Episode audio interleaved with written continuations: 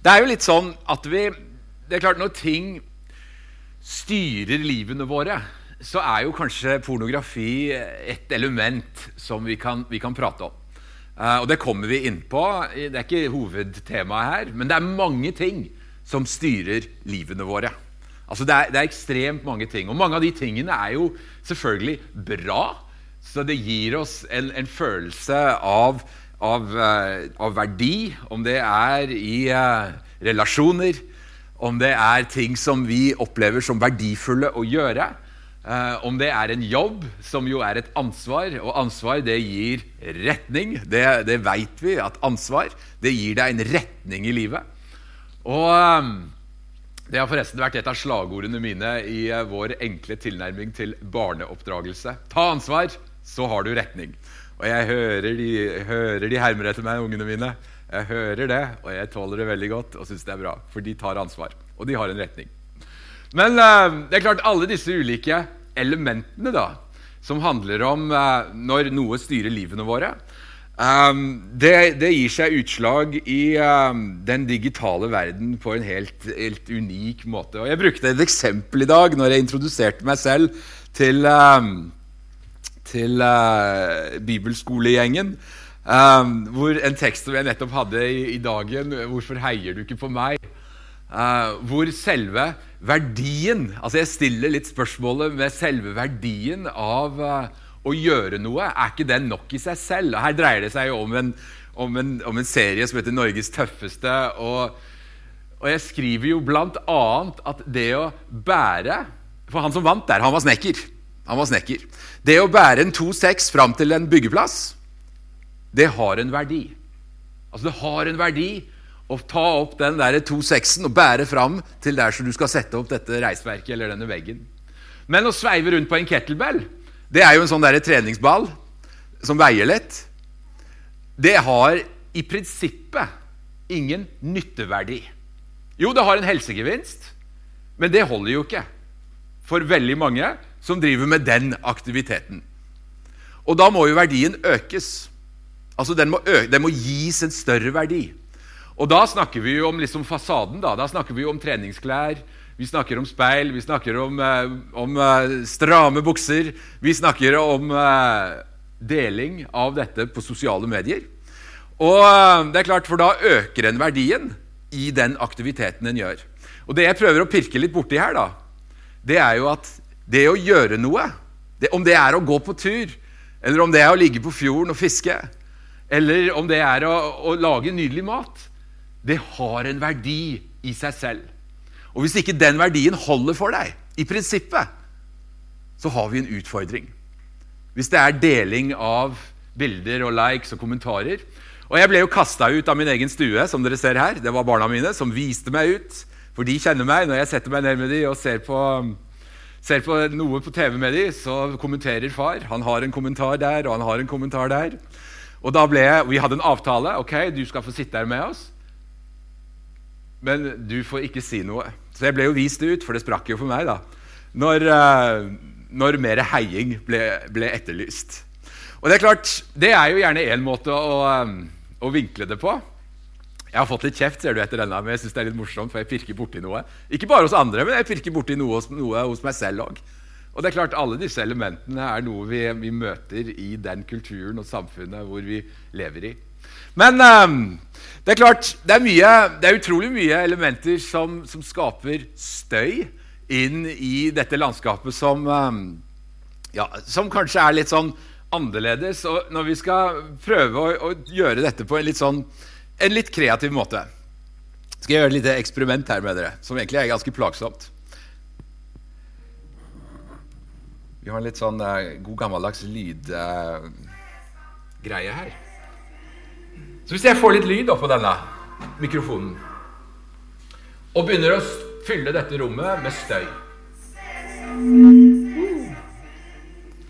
Så blir dere litt sånn forstyrra. For hva er, hva er det han skal nå, da?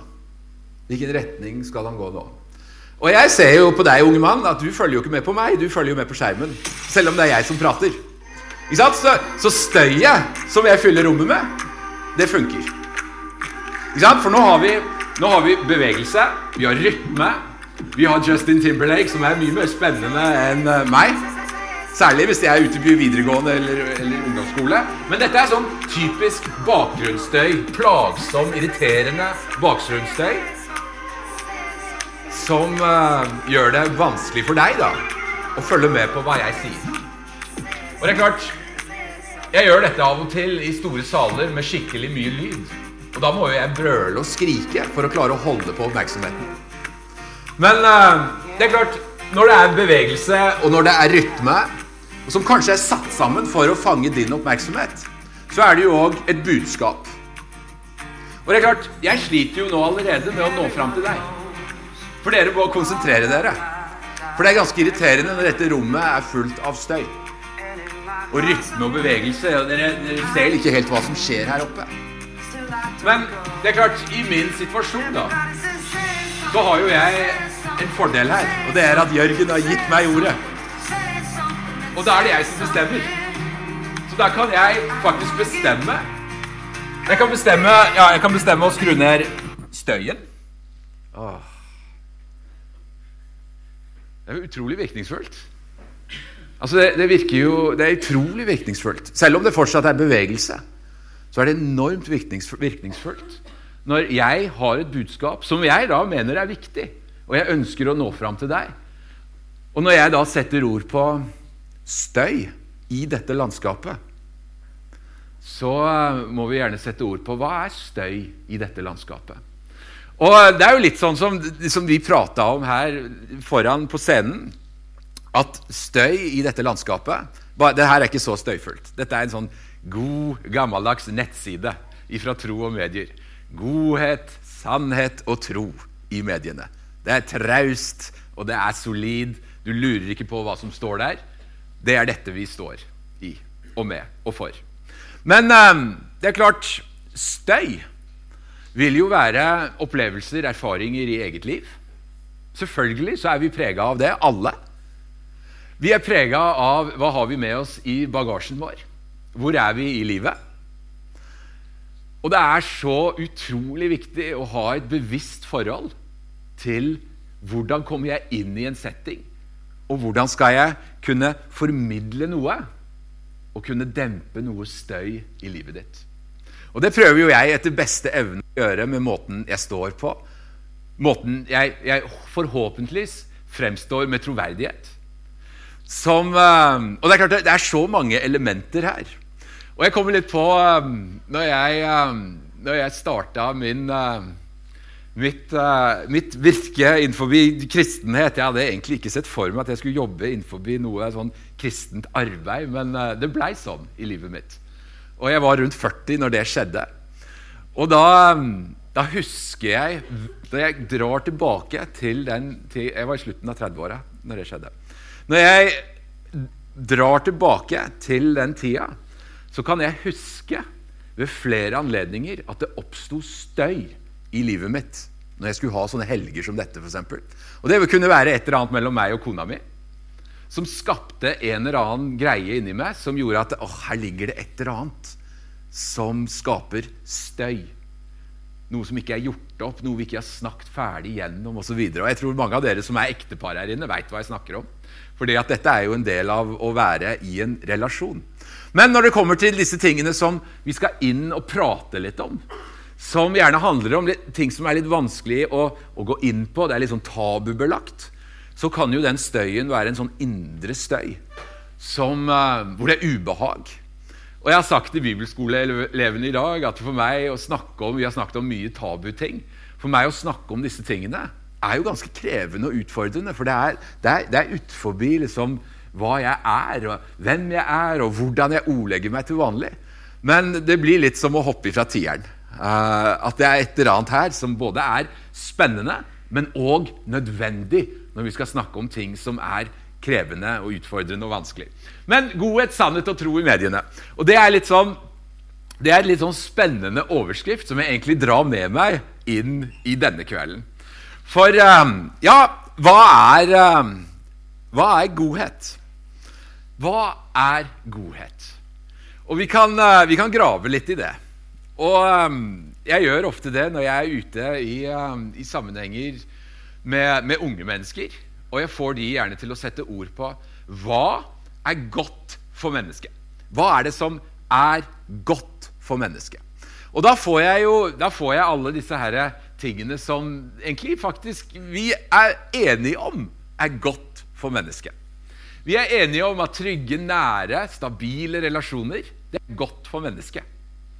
Og det er ikke fordi at jeg tror på Bibelen, Guds ord. Det er, fordi, det er jo stort sett fordi jeg er menneske. Men Bibelen, Guds ord, bekrefter det. Trygge, altså Hele Bibelen, Guds ord, er jo liksom selve innpustet til trygge, nære, gode, stabile relasjoner. Så det er klart, det er godt for mennesket å leve i den type relasjoner. Kjærlighet, det er godt for mennesket. Det er godt for mennesket å være elsket. Å bli bekreftet. Å bli sett. Det er ikke bare godt, men det er nødvendig. Og det er klart, det er jo mye av uh, de tingene som vi trenger å sette ord på når vi skal inn og prate om disse tingene som kan være utfordrende. Fordi at fundamentet er jo det som skal bære bygningen. Og når vi, uh, når vi jobber med et fundament av godhet, av sannhet og tro, ja, det er klart da, da bygger vi et fundament på stein, ikke på sand, for å bruke vårt språk innenfor troen. Men vi bygger også et fundament som bærer, som tåler en trøkk. Og det er jo livet. For livet er krevende. Livet kan være veldig krevende. Og det er klart, når vi, eh, når vi snakker om, eh, om godhet, om, eh, om hva det er så er det jo utrolig mange ting som, som dukker opp. Tillit. Det er viktig. Det er bra for mennesket å bli vist tillit. Og det er bra for mennesket òg å gi tillit. Det er, eh, det er, godt for mennesket. Det er, det er ekstremt godt for mennesket å være gjestfri, å være åpen. Det er noe som, Og noen av oss har den gaven mer enn andre. Jeg er gift med en sånn. Huset vårt det er, det er, stadig fullt av mennesker. Korona har vært en enorm utfordring for uh, min gode kone. Jeg er litt mer, da. Kan vi ikke bare fortsette å holde på den tometeren? Jeg syns det er veldig greit, det. Men, og det er klart, vi er ulike som mennesker ut ifra uh, hvordan vi er satt sammen. Men uh, det er mange ting som vi kan, vi kan, hente fram i hva som er godt for mennesket. Men gjør deg gjerne en øvelse i å Sette ord på det. Og søk det. Søk hva som er godt. Og det er klart, Søk først Guds rike, men søk hva som er godt for mennesket. Og det er klart, Hvis vi skal sette litt mer ord på disse ulike tingene som, som jeg har lyst til å bruke i dag da, som, et, uh, som et fundament, det er jo sannhet. Ja, hva er sant? Og det er klart, Når ting styrer livene våre, så må vi vite om de tingene er sant, eller om det ikke er sant. Og det er klart, I den digitale verden som vi lever i i dag Mange har masse impulser inn i livet sitt. Så er det jo virkelig utfordrende å finne ut hva er det som er sant, og hva er det som ikke er sant. Og hvem skal definere det? Og i stor grad, i stor grad så er det jo algoritmer som definerer, og mediehus som definerer hvilken sannhet er det som presenteres. Og det er klart, Der har vi mange ulike ting som, uh, som styrer det. Hvis vi går på den personlige bruken av uh, ulike medier, og sosiale medier, om det er YouTube, eller om det er TikTok eller Snapchat eller uh, you name it, strømmetjenester, så er det jo en profil av deg, det er det du sier ja til hver gang, bare for å komme videre inn på den nettsida, som bygges av deg. Altså Det bygges jo en, en profil av deg som, hvor sannheten blir jo egentlig skreddersydd til deg. Og det er klart, sånn som min Facebook-feed som, eh, Jeg er jo passert 40, og det er jo min generasjon og oppover som stort sett bruker Facebook i dag. Unge bruker Facebook til å hente informasjon eller til å stalke eller til å finne ut noe om noen andre. Um, så ser jo min Facebook De smiler, de unge her oppe nå. Men uh, så, så, ser jo min Facebook-feed Altså, den er jo full av um, verdikonservative kristne. Uh, fordi at det er mye det jeg stopper opp på og leser. Uh, av og til så er det langt, langt ut på høyresida. Altså langt inn i konspirasjonsteoriene. Langt inn i Trump-landskapet. Nei, jeg tenker det er ikke meg! Det er ikke meg! Men det er profilen som er bygd av meg, fordi at jeg er interessert i den siden av politikk, av verdisyn og av, av kristenhet. Um, masse hjortejakt, skikjøring. Fordi det er ting som jeg er interessert i. Det er ting som jeg ser på. Det er ting som jeg stopper opp på hvis det dukker opp i feeden min. Og da kommer jo det selvfølgelig langt fram i køen. Ok, nå er jo dette ting som, Og jeg tenker jo at eh, jeg skal jo være i stand til å vurdere hva som er sant, og hva som ikke er sant. Men det er klart, når hele feeden min og hele nyhetsbildet som jeg da får presentert,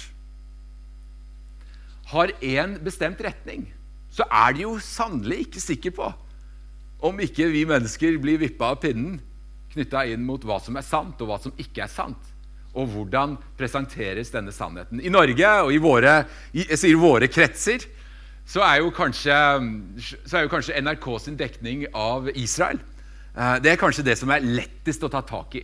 For hva er faktisk sant, og hva er faktisk ikke sant av det vi får høre, og de opplysningene som kommer? Det er jo et helt annet bilde når du kommer ned der og reiser rundt i det landet og får en forståelse av at jo da, mange plasser så lever jo disse menneskene side om side og klarer faktisk å snakke med hverandre og det ene med det andre. Men algoritmer styrer jo òg hvor mange sekunder er det jeg stopper på en videosnutt. Hvor, uh, hvor ofte stopper jeg? Hva er det jeg søker på? Og så videre. Og hør her. De aller fleste av oss takker ja til dette. Jeg har gjort det flere ganger allerede i dag. Når jeg skal hente informasjon, når jeg skal gjøre noe research, når jeg skal inn på en nettside, eller you name it, så har jeg takka ja til flere ganger at de kan bygge denne digitale profilen av Alexis Lund for å kunne presentere en sannhet. Dette er jo ikke en konspirasjonsteori. Dette er sant. Den beste dokumentaren om dette det er jo The Social Dilemma. Den ligger på Netflix. Det er en utrolig spennende, interessant dokumentar som sier noe om akkurat hvordan dette er. Og Det som er enda mer interessant, det er jo at der er det jo mye voksne mennesker på min alder som var med tidlig, litt yngre enn meg, som var med tidlig å utvikle hele denne tech-industrien og sosiale medier. Og de er beintydelige på våre barn får ikke inn på disse plattformene. For det er så destruktivt for den menneskelige hjernen og avhengighet og dopaminproduksjonen og hele den pakken. Men um, det er klart, vi, um, vi har jo andre utfordringer nå knytta til sannhet. Dette er fødselsattesten til min yngste sønn. Han er født i, um, i USA. Og Der gjør de noe ganske interessant. Der tar de et fotavtrykk av den nyfødte. Og så tar de et fingeravtrykk av føderen, altså mor, og så putter de det på samme arket. Og da binder de de to sammen på en helt unik måte.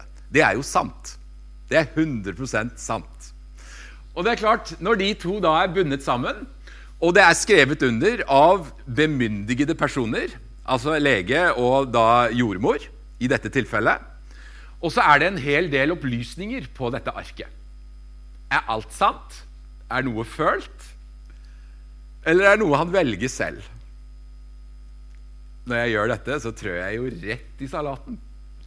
Altså, ikke sant? For Det står jo hvor, hvor lang han er, eller hvor, omkretsen på hodet. og Det står hva han veide, hvor han er født, hvilken farge han hadde på huden. Og det står av hvilket kjønn han er. Men uh, den usikkerheten som blir i en videregående skole eller en ungdomsskole eller et ungdomsmiljø, når jeg bruker dette eksempelet, når jeg kommer til, og jeg sier ofte ja, det står jo hvilket kjønn han er da veit jeg jo med en gang, og da raser jo tankene. Er det sant, eller er det ikke sant? Er det noe han kan føle? Er det noe han kan velge? Og hvordan skal vi forholde oss til det? Dette er ting som er, vi er så, Det er så nødvendig å prate om disse elementene. Hvordan biologien og hvordan vi forholder oss til den sannheten, og ikke fraviker det,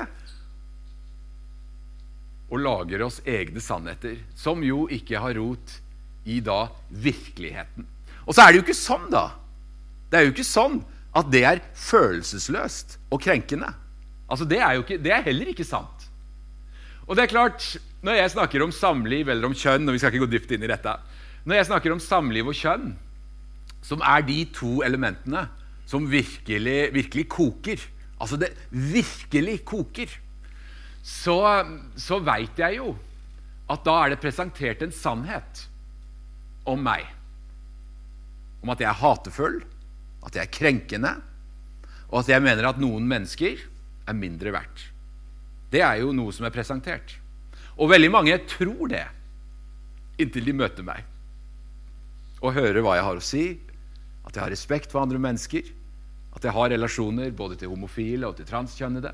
De vet hvor jeg står. Det går helt fint. De er like mye verdt som meg. Jeg har aldri sett inn i øynene på et menneske som ikke Gud har elsket først. Men jeg tror at vi er skapt som mann og kvinne. Jeg tror rammen for seksualitet er innenfor et ekteskap bestående av én mann og én kvinne. Det må jo defineres i dag. Og det er klart, det handler jo ikke om å hate andre mennesker. Det handler ikke om å se ned på andre mennesker. Men det handler om å forankre sin tro i hva jeg da velger å ta som en sannhet. Dette er jo den, det samfunnet og den kulturen som vi, vi, lever i. Og det som er spennende, da, det er jo at troen vår, altså troen, bærer seg godt gjennom disse samtalene. Den gjør det. Og det er klart, når vi da snakker om troen vår, som, eh, som bærer seg gjennom disse samtalene og disse utfordringene, ja, da kan vi plutselig begynne å trekke ting nær til vårt liv. Hva er det som styrer mitt, liv? Hvordan skal jeg kunne ta kontroll på de og de tankene? Hvor skal jeg sette dette med seksuelt begjær og fantasier? Jeg, hvilken ramme og hvilken kontekst skal jeg kunne, kunne, klare å plassere det? Og Det hender jeg har samtaler med mennesker, og jeg har jo disse samtalene med menn. Det er jo kvinner som henvender seg til oss, som har avhengighet til pornografi eller en eller annen seksualitet som de sliter med. Og, um, men jeg har jo samtaler med menn. Jeg sender de kvinnene videre til to kvinner som jeg jobber med. Og det er klart, disse mennene som jeg da prater med om, uh, om dette, om det vil være tiltrekning til samme kjønn, uh, eller om det er seksuelle fantasier, eller om det er avhengighet til pornografi um, Ting som tar kontroll på livet. Ting som tar kontroll på livet så spør de meg kanskje med, med, litt sånn håp i øynene Går dette vekk? Vil det forsvinne noen gang? Denne, denne lysten eller dette begjæret, dette som bor inni meg, vil det, vil det, forsvinne? Går det vekk når jeg er gift? Noen tror det. Bevare meg vel. Det er, jo, det er jo ikke sant. Det går jo ikke vekk om du gifter deg. Det er jeg veldig tydelig på. Men jeg ser jo på de ofte og ser på de og tenker og sier jeg håper jo ikke dette forsvinner. Men jeg både håper og tror at du skal kunne sette det inn i en ramme og inn i en kontekst som er hellig, som er verdig, og som Gud selv, som Gud selv har vernet om.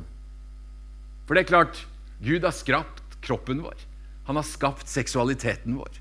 Han har gitt oss en gave som er så verdifull at den er blitt gitt en ekstra vern. Og det er klart, dette med troen, som da bekrefter veldig, veldig mye av disse tingene som, eh, som egentlig til dels er opplagt. Både med hvordan vi er skapt som mann og kvinne, med hvordan vi er skapt med en, med en seksualitet. At vi har en lengsel etter å bli elsket. Men så var vi òg inne på i dag med bibelskoleelevene med singelliv. Og Paulus er jo tydelig og fremhever jo det som et kall over livet. På samme måte som han fremhover, at Og dette er jo liksom i hele denne her ekteskapspakken som han gir menigheten i Korint i uh, kapittel 7, hvor uh, der var det mye forvirring. Han hadde mye å jobbe med der. Bevare meg vel. Men han gir dem en god pakke. Han gir dem en god veiledning knytta inn til ekteskap. Hvilke rammer er det? Hvordan skal det se ut? Kvinnen eier ikke sin egen kropp på lik linje som mannen eier ikke sin egen kropp. De er gitt til hverandre. Det er jo en fantastisk likeverd i det som står i Korinterbrevet. Men hva er det som blir løftet fram, da? Jo, det er jo at kvinnen skal underordne seg mannen på den ene siden, og at mannen skal da herske og dominere. Men uh, når vi leser og bretter opp disse tekstene Jo, mannen har en rolle. Og jo, kvinnen har en rolle. Men de er gitt til hverandre. De er ulike. Og vi skal snakke mye om ulikheter inn mellom de, kjønnene eh, i tiden som kommer. Og det er noe vi virkelig trenger å kunne løfte fram. Og løfte fram som nydelig og som vakkert. Og som å speile Gud som den vi er, som mann og som kvinne. Så troen den bærer seg godt gjennom, uh, gjennom alle disse her ulike elementene. Godhet, sannhet og tro. Vi har noen behov som, uh, som er viktig for oss. Vi trenger å bli sett. Og det er klart, Når ting styrer livene våre, og kanskje dette behovet er i manko, vi er i minus på å bli sett Det er få som ser meg, det er få som, som anerkjenner min eksistens ja, da er jo kanskje det veldig enkelt å bli sett andre plasser. Og hvordan blir du sett? Altså, hva skal til for å bli sett i dag? Du må gjøre noe ekstremt. Du må strekke strikken. Um, sex er jo liksom det verktøyet som definitivt er det mest effektive verktøyet. Og det vet vi jo i og med at Internett ser ut sånn som Internett ser ut. Uh, hvor sex er jo selvfølgelig det som får, får stopp, som får kliks, og som får en videredeling. Fordi at uh, YouTube er jo skrudd sammen sånn. Er det et menneske med lite klær i en eller annen sekvens, så er det jo det som blir valgt ut som framside. Og det er det som blir valgt ut som header for den filmsnutten. Fordi at de veit at den menneskelige hjernen er interessert i dette. Og da stopper den menneskelige hjernen opp, og det genererer jo selvfølgelig da mer seere. Som igjen genererer mer penger via inntekter og annonser. Vi trenger å bli sett. Og jeg møter jo mennesker som um, har minus på kontoen for å bli sett. Og det, da er jo mennesker villige til å strekke seg forholdsvis langt. Uh, og det er jo ofte da knytta inn til uh, både seksualitet, språk, humor og disse elementene som gjør at uh, mennesker ser og legger merke til. Og det er klart, Når vi skal prøve å snakke verdighet inn i menneskeheten, når vi skal snakke verdighet inn i unge mennesker, så handler det jo i stor grad om å se. Om å se. Jeg ser deg. Og jeg liker det jeg ser. Du er bra. Du er elsket. Vi trenger å oppleve mestring, og mestring er jo kanskje selve motoren i veldig mye av f.eks. gaming. Eh, som jo er en stor greie i dag. Hvor det å kunne mestre de ulike elementene Vi trenger eh, å få bekreftelse, anerkjennelse, som er ekstremt eh, Helt ekstremt essensielt for oss. Og vi er litt sånn ulike skrudd sammen som mennesker. Noen trenger mye av det, noen lever greit med mindre av det.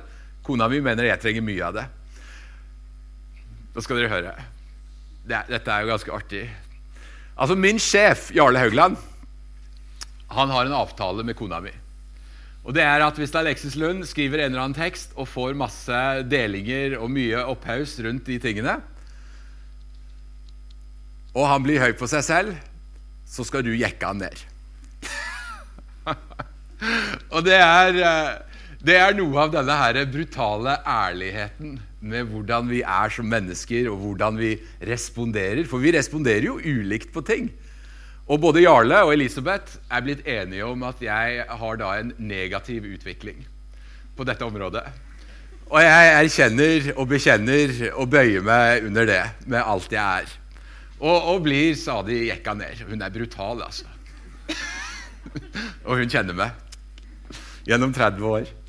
Men det er klart, det å få bekreftelse er jo viktig for oss. Det er viktig for oss å bli og oppleve anerkjennelse. Helt ifra, vi, helt ifra vi kommer inn i denne verden, til vi forlater denne verden. Og det er, eh, det er litt fascinerende, syns jeg, nå i denne tida som vi har hatt, og fortsatt har, hvor, eh, hvor vi har ministre som snakker om klemmer og nærhet, om relasjoner om å bygge og verne opp om disse her, kjær, egentlig kjerneverdiene i den kristne troen på den ene siden, og så jobber de aktivt med å bygge det ned på den andre siden. med vedtak og lover og bioteknologi. Som på en måte drar proppen ut av denne kummen, som skal være full av tillit, nærhet, kjærlighet, familie og relasjoner. Så det er, det er, noe av den spenningen og det gapet som, eh, som, ligger i dette elementet. Og der er jo kanskje den siste delen, da.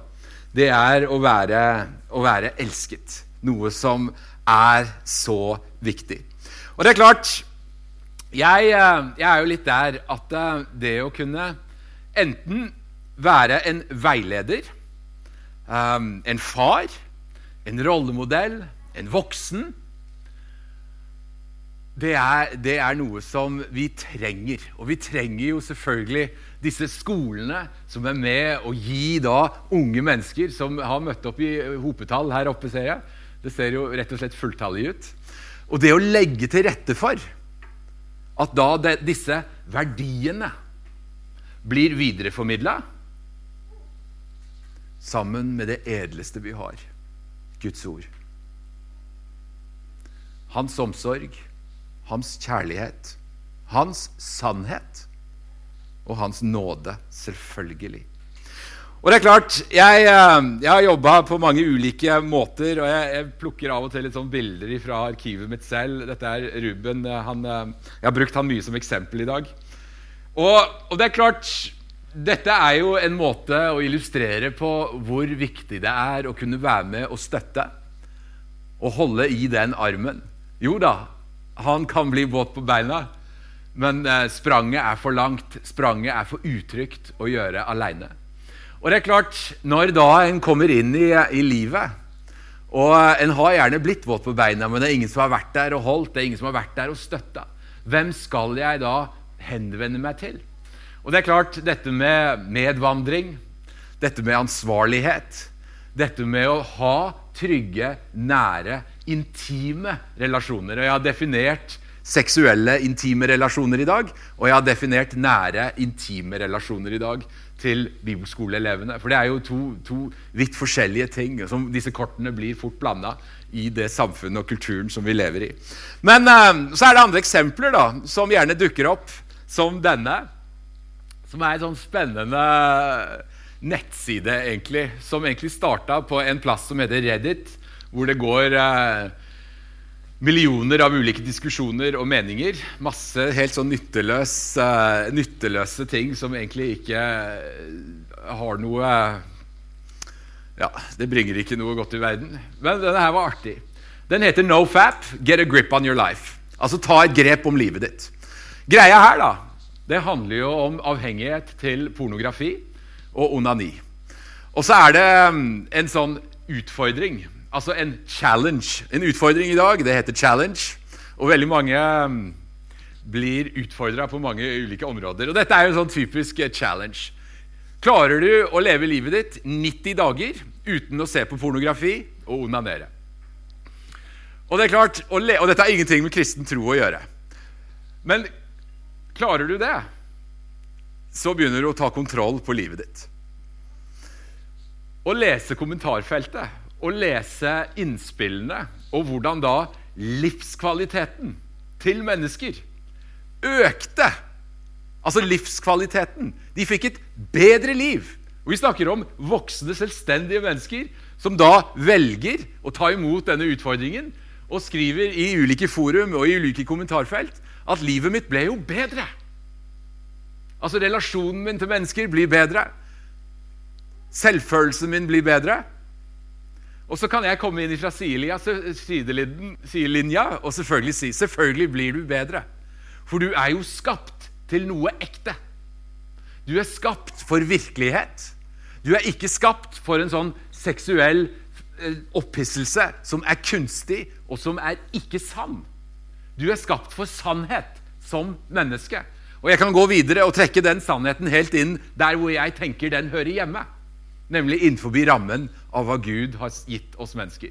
Som jeg er overbevist om er god og sann og virkelig. Og det er klart, når vi da gjerne kikker på ulike, ulike ting i kulturen vår, i samfunnet vårt, hvor, uh, hvor dette med seksualitet, som vi skal gå litt mer inn på i morgen, er på avveie Og vi ser det enorme smerten og det enorme brølet av mennesker som lider. Og Det er klart, det å sitte i samtale med en 14-åring, enten en gutt eller en jente, som jeg har gjort mange ganger, med, med foreldre, med, med, skole, gjerne med en annen offentlig etat, som har fått et nakenbilde på avveie. For de har tatt et bilde av, eh, av kroppen sin og delt til en, en betrodd venn som de trodde var betrodd. Og så kommer jo det bildet på avveie. Det er jo ikke snakk om om det kommer, men det er snakk om når det kommer på avveie.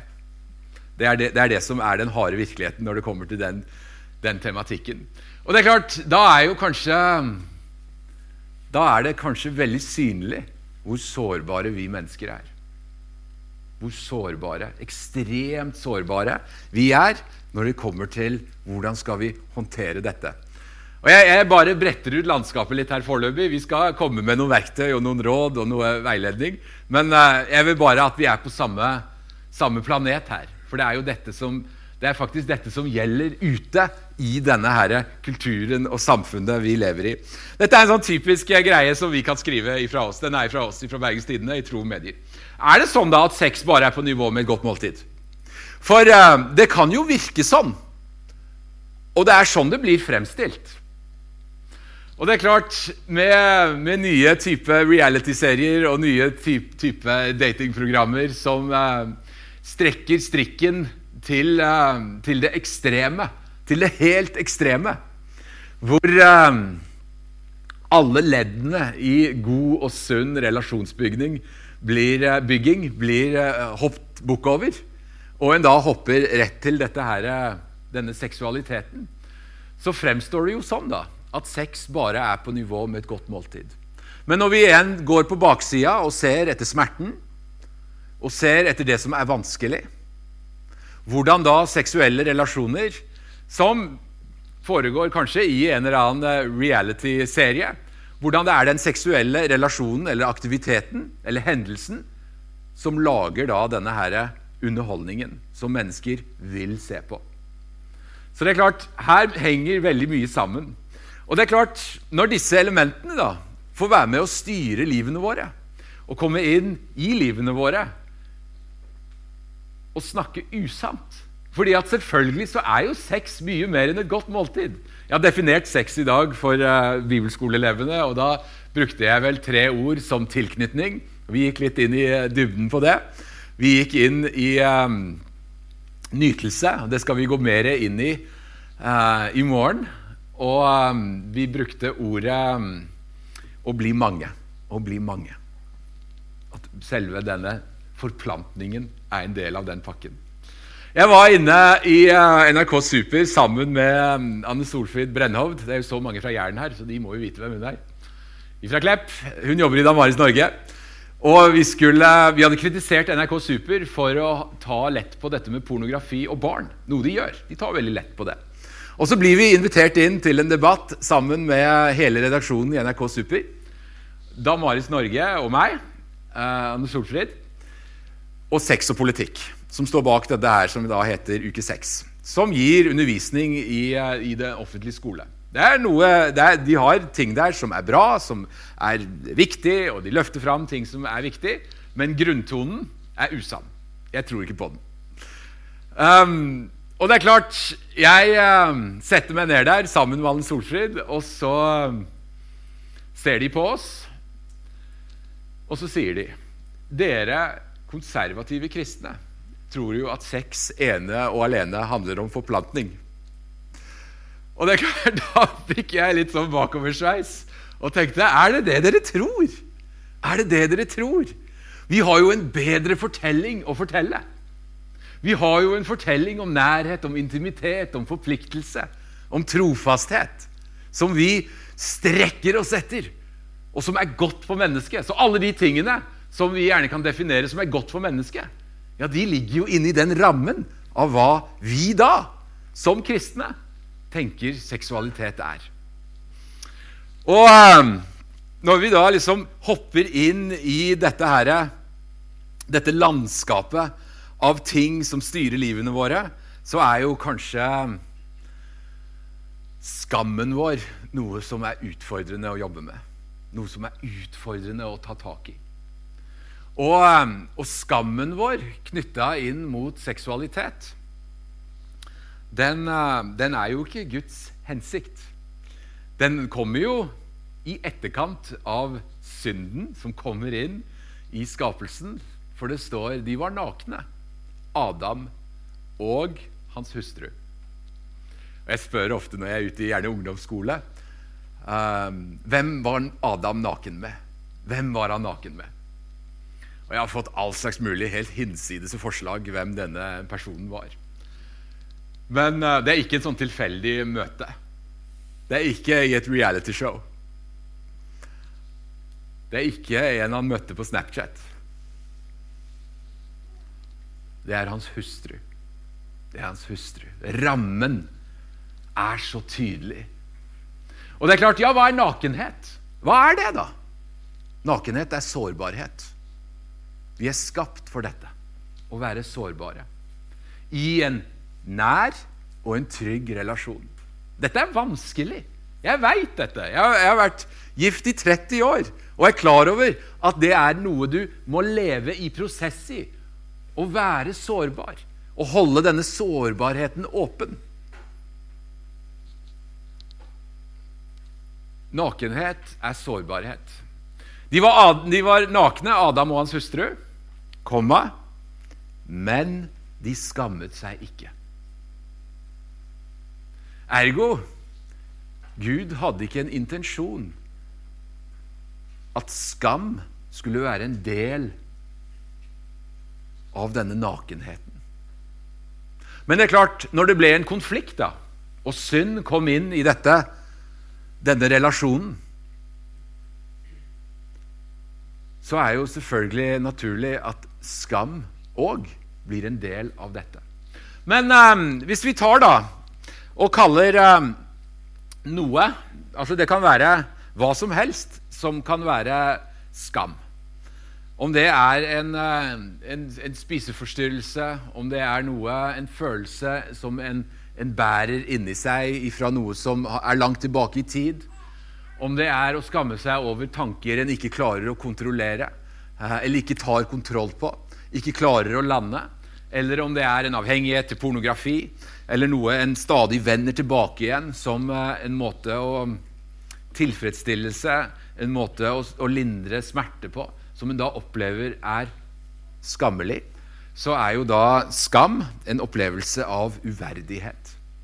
Og Det er, det er henta fra Finn Skårderud, som er en av de fremste psykiaterne vi har i dette landet, som har skrevet et nydelig, eh, et nydelig eh, notat på Tidsskrift for leger som heter 'Skammens stemmer'. Eh, hvor han da gir skammen en definisjon som er da en opplevelse av uverdighet. Når jeg snakker til mennesker, så sier jeg 'jeg har gode nyheter til deg'. Jeg har veldig gode nyheter til deg. Du er funnet verdig. Du er funnet verdig. Det er ingen andre som har den gode nyheten. Det er en del av den gode historien. For det er klart det finnes en god historie om seksualitet. Det finnes en god historie om ting som kan ta kontroll på livene våre. Og at du er funnet verdig. Det er en virkelig god nyhet.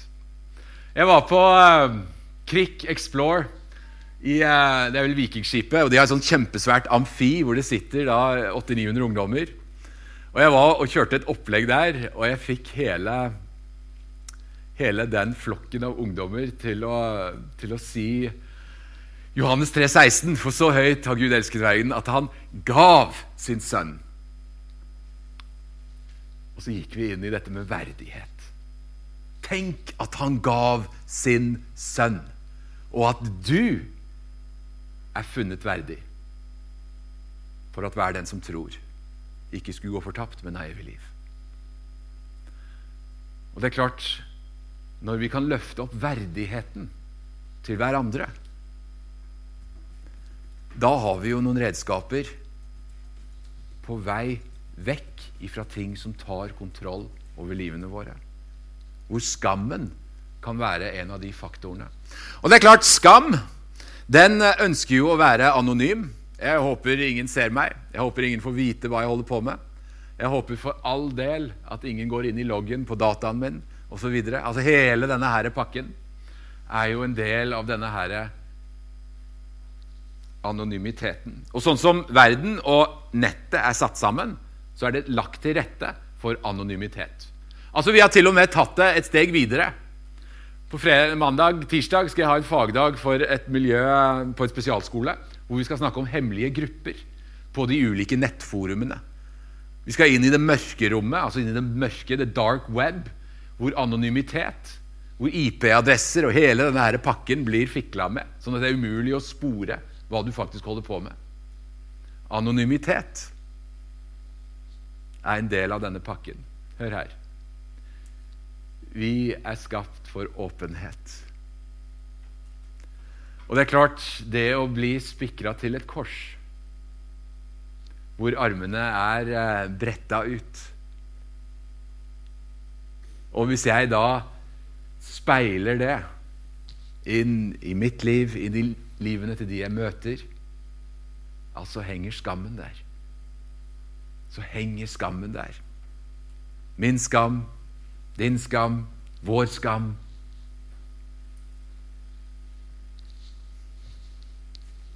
Kan skammen være bra? Kan den være førende, styrende? Vel, på noen områder så er jo selvfølgelig skammen begrensende for oss. På en positiv måte. Han var skamløs. Han eier jo ikke skam. Men uh, hvis han hadde hatt det i livet sitt, så hadde han kanskje velgt annet. Velgt annerledes. Så det er klart det er jo en balanse her, da. Men vi holder oss på den ene sida her, hvor uh, det negative elementet. Avvisning. Skam forventer avvisning. Og det er klart, når, uh, når jeg prater med mennesker om ting som er vanskelig Og det hender jeg, jeg skal ha en prat med noen, og så skal vi møtes en plass. Og jeg liker veldig godt å møtes på, på bibliotek eller på, på en kafé. Eller, altså jeg liker å møtes på offentlige plasser. Det skaper en god, trygg ramme for å ha en dyp, vanskelig samtale. Rett og slett. Det er, det, det er sånn jeg tenker om disse tingene. Og uh, vi går oss gjerne en tur, uh, men det skaper en god ramme. Og det er klart, når jeg da skal ha en samtale med en, så veit jeg jo at i bunnen av den koppen så ligger det en bekjennelse. Det ligger en bekjennelse. Og i andre enden av den bekjennelsen så ligger det mye skam og en forventning om avvisning. Avvisning fikse det. Hvordan skal jeg fikse det? Jeg vender tilbake igjen til det som i utgangspunktet ga meg skam. Og da er jeg jo plutselig inne i skammens sirkel. Det er en vond sirkel.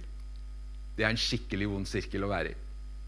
Og Ofte så er det jo gjerne en eller annen unnskyldning eller en tillatelse. Amerikanerne kaller det for permission-giving behavior.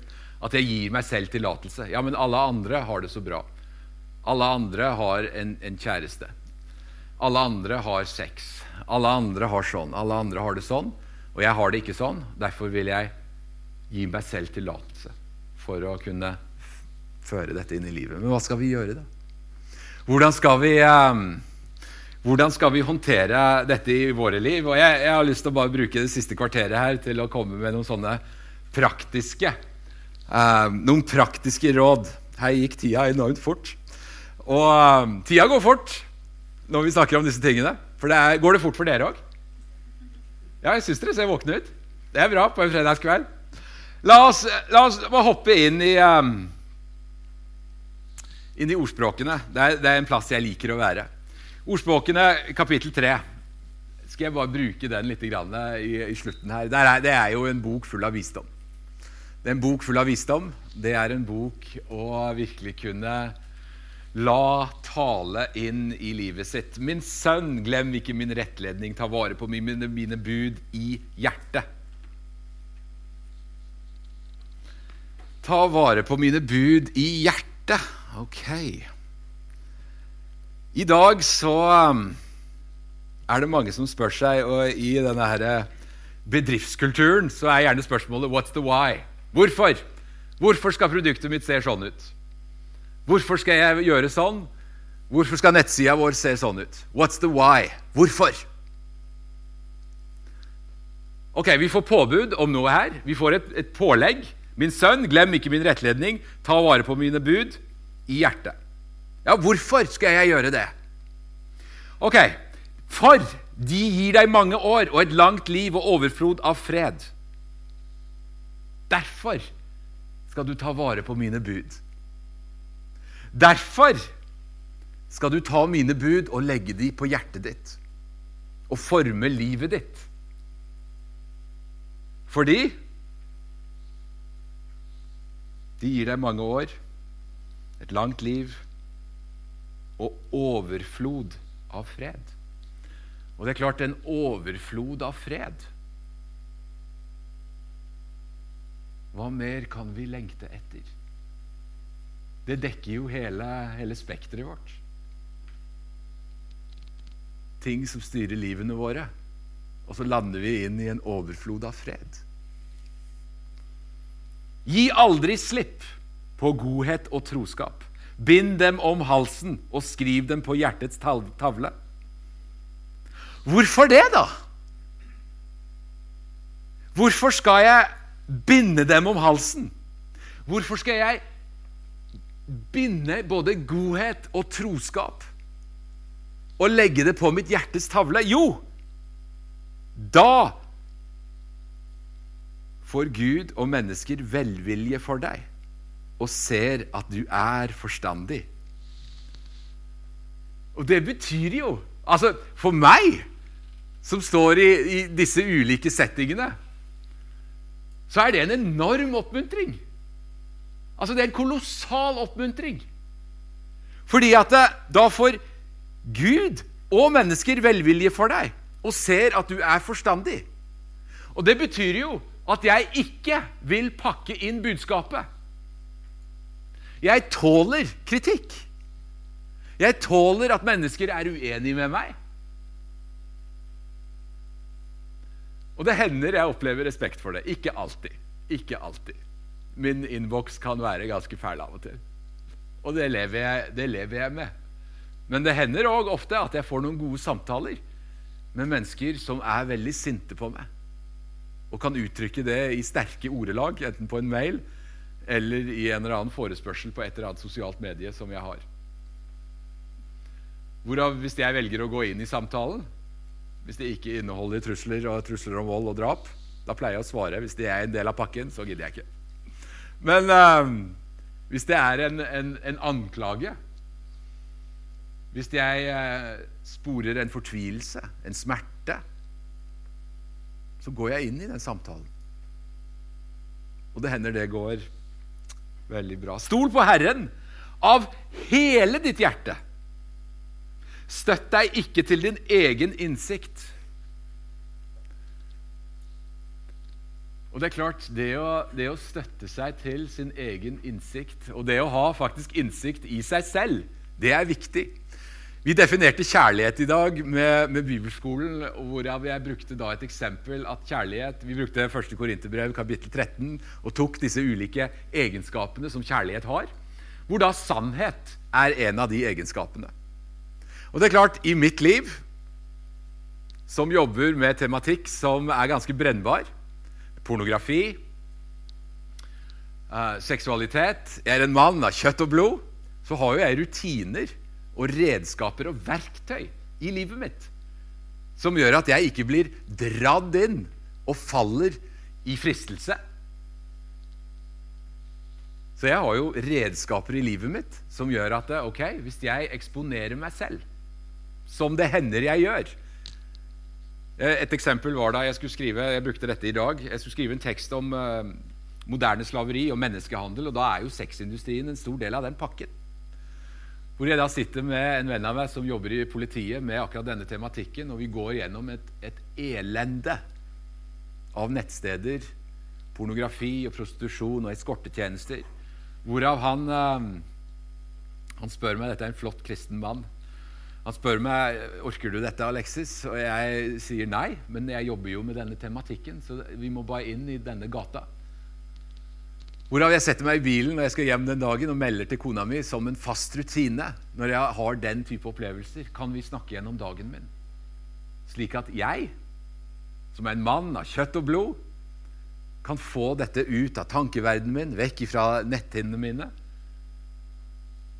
Og jeg kan leve i sannhet. Da gleder jo kjærligheten seg. Kjærlighet gleder seg over sannhet.